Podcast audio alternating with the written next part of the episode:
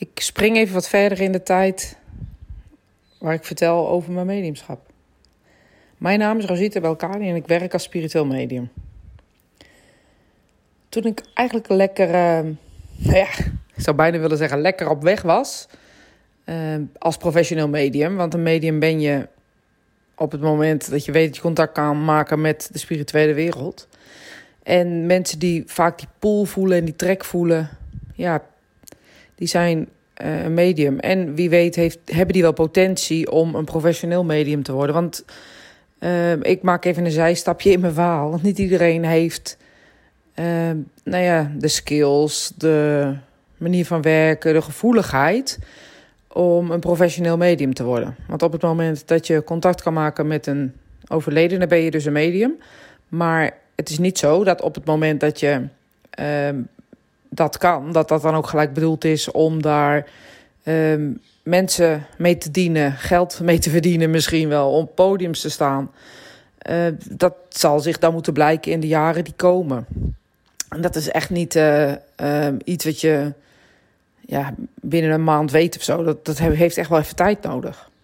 Ook omdat er een persoonlijke ontwikkeling aan plakt, die, ja, wat mij betreft, misschien nog wel belangrijker is dan het hele gebeuren uh, in dat mediumschap. Want alles moet eerst even uitgepluist worden uh, waar je zelf tegenaan loopt. En dat blijft tot dan, ik denk, je laatste adem, tot dan je doodgaat.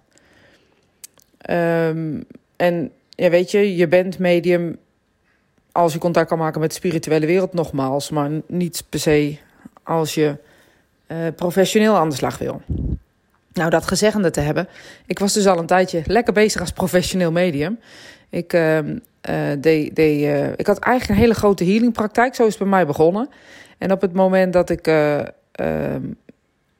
ja, eigenlijk ben ik een soort van in de readingen gerold. Het is van het ene op het andere gegaan. Dat bedoel ik niet dat ik ineens op een ochtend wakker werd en dacht, nou laat ik eens readingen gaan doen. Uh, er was een vraag van iemand of ik dat ook deed en ik wilde dat wel eens proberen. Ik had dus, uh, laten we heel eerlijk zijn, nog, nog niet echt scholing gehad of um, dingen gedaan op dit gebied. Maar in een van die eerste readings, en dat ging dan over de persoon zelf, ging het eigenlijk vrij goed. En dan maak ik eigenlijk nog een understatement als ik terugkijk. Hè? Want op dat moment heb je geen idee wat je aan het doen bent. Maar ik kijk er nu ook naar met mijn, ja, mijn juffrouw oog. En dan zie ik wel uh, wat ik daar fout heb gedaan. Maar ik zie ook wel wat, wat daar heel goed was. Uh, en vooral mijn onbevangenheid en mijn ontspannenheid uh, die daar toch in zat. En ik was dus al een tijdje bezig. Van readingen kwamen, contact met overledenen. En op dat moment begreep ik het eigenlijk niet zo goed meer. En snapte ik eigenlijk niet zo goed wat ik aan doen was. Toen heb ik wat cursussen en wat workshops gevolgd. En uh, begreep ik dus dat het spirituele wereld was die zich regelmatig aandiende op het moment dat ik dus readingen deed. Nou, dan ben ik gaan fine-tunen, uh, et cetera, et cetera. En nogmaals, ik was dus al een tijdje bezig, want ik had cursussen gedaan, trainingen gedaan, uh, waaronder Engels mediumschap. En toen ben ik dus echt als professioneel medium naar buiten getreden. En ik was dus al een tijdje bezig. Het is volgens mij de vierde keer dat ik het zeg. En elke keer maak ik een ander zijspoortje. Ja, sorry daarvoor. Dat werkt nou eenmaal zo in mijn hoofd. Ja. Um, en toen besloot ik ineens, had ik echt een wildste idee. Uh, en misschien zegt dat alles hoe het verhaal loopt op dit moment wel. Wat ik wil vertellen eigenlijk. Um, en toen had ik het briljante idee om weer te gaan trainen. Ik weet je, het is goed om uh, jezelf scherp te houden. Om jezelf te fine-tunen. Uh, dat was echt na jaren, terwijl ik al bezig was. Ik had volle praktijk, noem maar op, et cetera, et cetera. Maar wat ik even vergeten was in het hele verhaal, is dat je dat dan, ook, dat dan dus ook weer duikt in ontwikkeling. En het is goed om te blijven ontwikkelen. Nogmaals, dat kan ik niet met, met uh, meer stevigheid zeggen dan dit. Het is zo belangrijk om te blijven ontwikkelen. Om te blijven kijken waar je zelf kan stretchen, et cetera, et cetera. Want anders kom je gewoon in een hamsterwiel terecht. Ik had dus het briljante idee opgewekt om dan weer eens erin te duiken. En jeetje, wat dat met mijn mediumschap deed, joh. Um, niets positiefs in de zin dat het mijn mediumschap niet schade. Mensen hadden het niet in de gaten. Ik werkte gewoon net als anders. Ik werkte gewoon goed. Maar wat het met mij heeft gedaan als mens is echt enorm. Op dat moment vreselijk. Want ik kwam mezelf tegen. Ik liep tegen dingen aan waar ik echt, nou, hou maar op, schuim maar uit.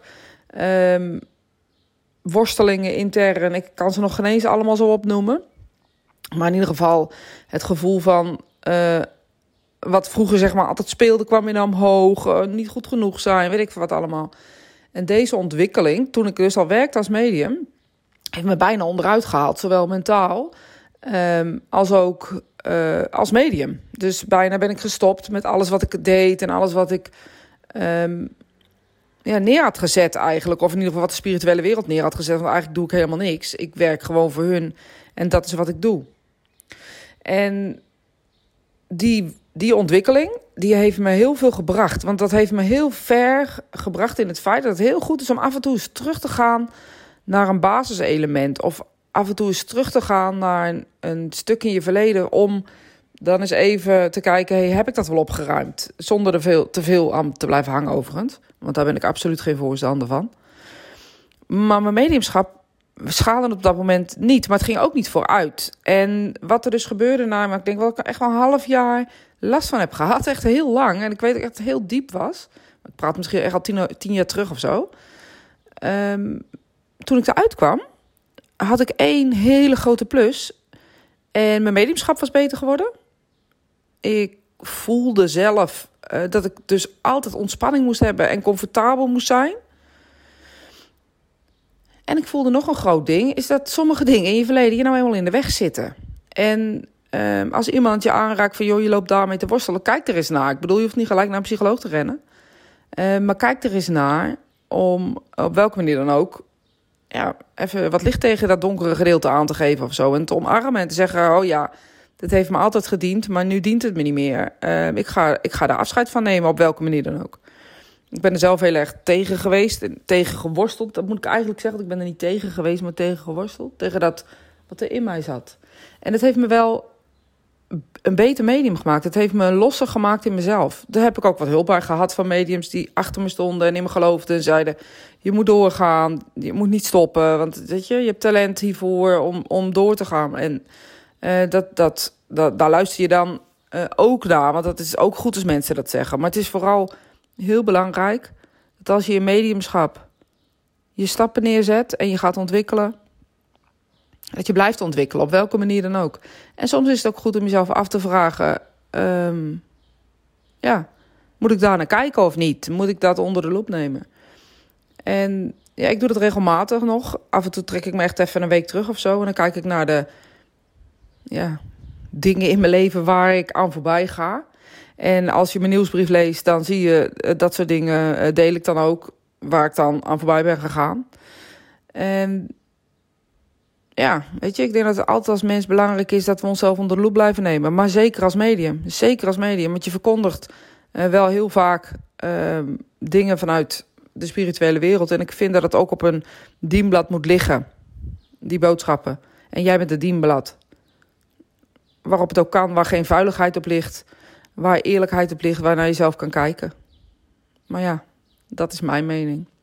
Dus als je als medium denkt, ik ga ontwikkelen en er gebeurt wat. En je wordt een beetje onrustig of je vertrouwt het allemaal niet meer. En je denkt, oh gosh, weet je, dit gaat nooit meer goed komen. Uh, hoe moet ik nou mezelf onder controle krijgen? Weet dan, er is licht aan het einde van de tunnel, geloof me. Maar vraag hulp aan, ja, aan collega-mediums of aan je leraar op dat moment. Want het kan best zijn dat je in een ontwikkelmodus zit en dat er een leraar is. En wat er vaak gebeurt is dat mensen tegen de leraar gaan, omdat je het ontwikkelen bij de leraar doet. Dus het negatieve hoort daar ook bij. Maar keer jezelf naar, naar de leraar en vraag, joh, wat gebeurt hier nou? En ik weet 99,9% zeker, als het goed is en je hebt professioneel leraar ook, uh, dat dat medium, die leraar dan zegt, dit herken ik, kom we gaan even apart zitten. Uh, we hebben het er even over. Um, want als een medium zegt dat het ze, ze het herkennen, dan ga ik er ook vanuit dat het zo is. In ieder geval, in mijn geval, als er studenten zijn die ergens tegenaan lopen, hoop ik altijd dat ze naar me toe komen. En open zijn hierover. Ik heb natuurlijk geen uh, macht over wat mensen doen. En dat wil ik ook niet. Maar nogmaals, loop je ermee en ben je bij mij, kom bij mij. Ik bedoel, met open armen. Maar ben je ergens anders, um, loop naar die ander. En willen ze niet luisteren, Uh, maak ze dan nog een keer duidelijk. Ik loop echt met mezelf te worstelen. Ik heb hulp nodig. Ik bedoel, kom voor jezelf op. Tot de volgende keer.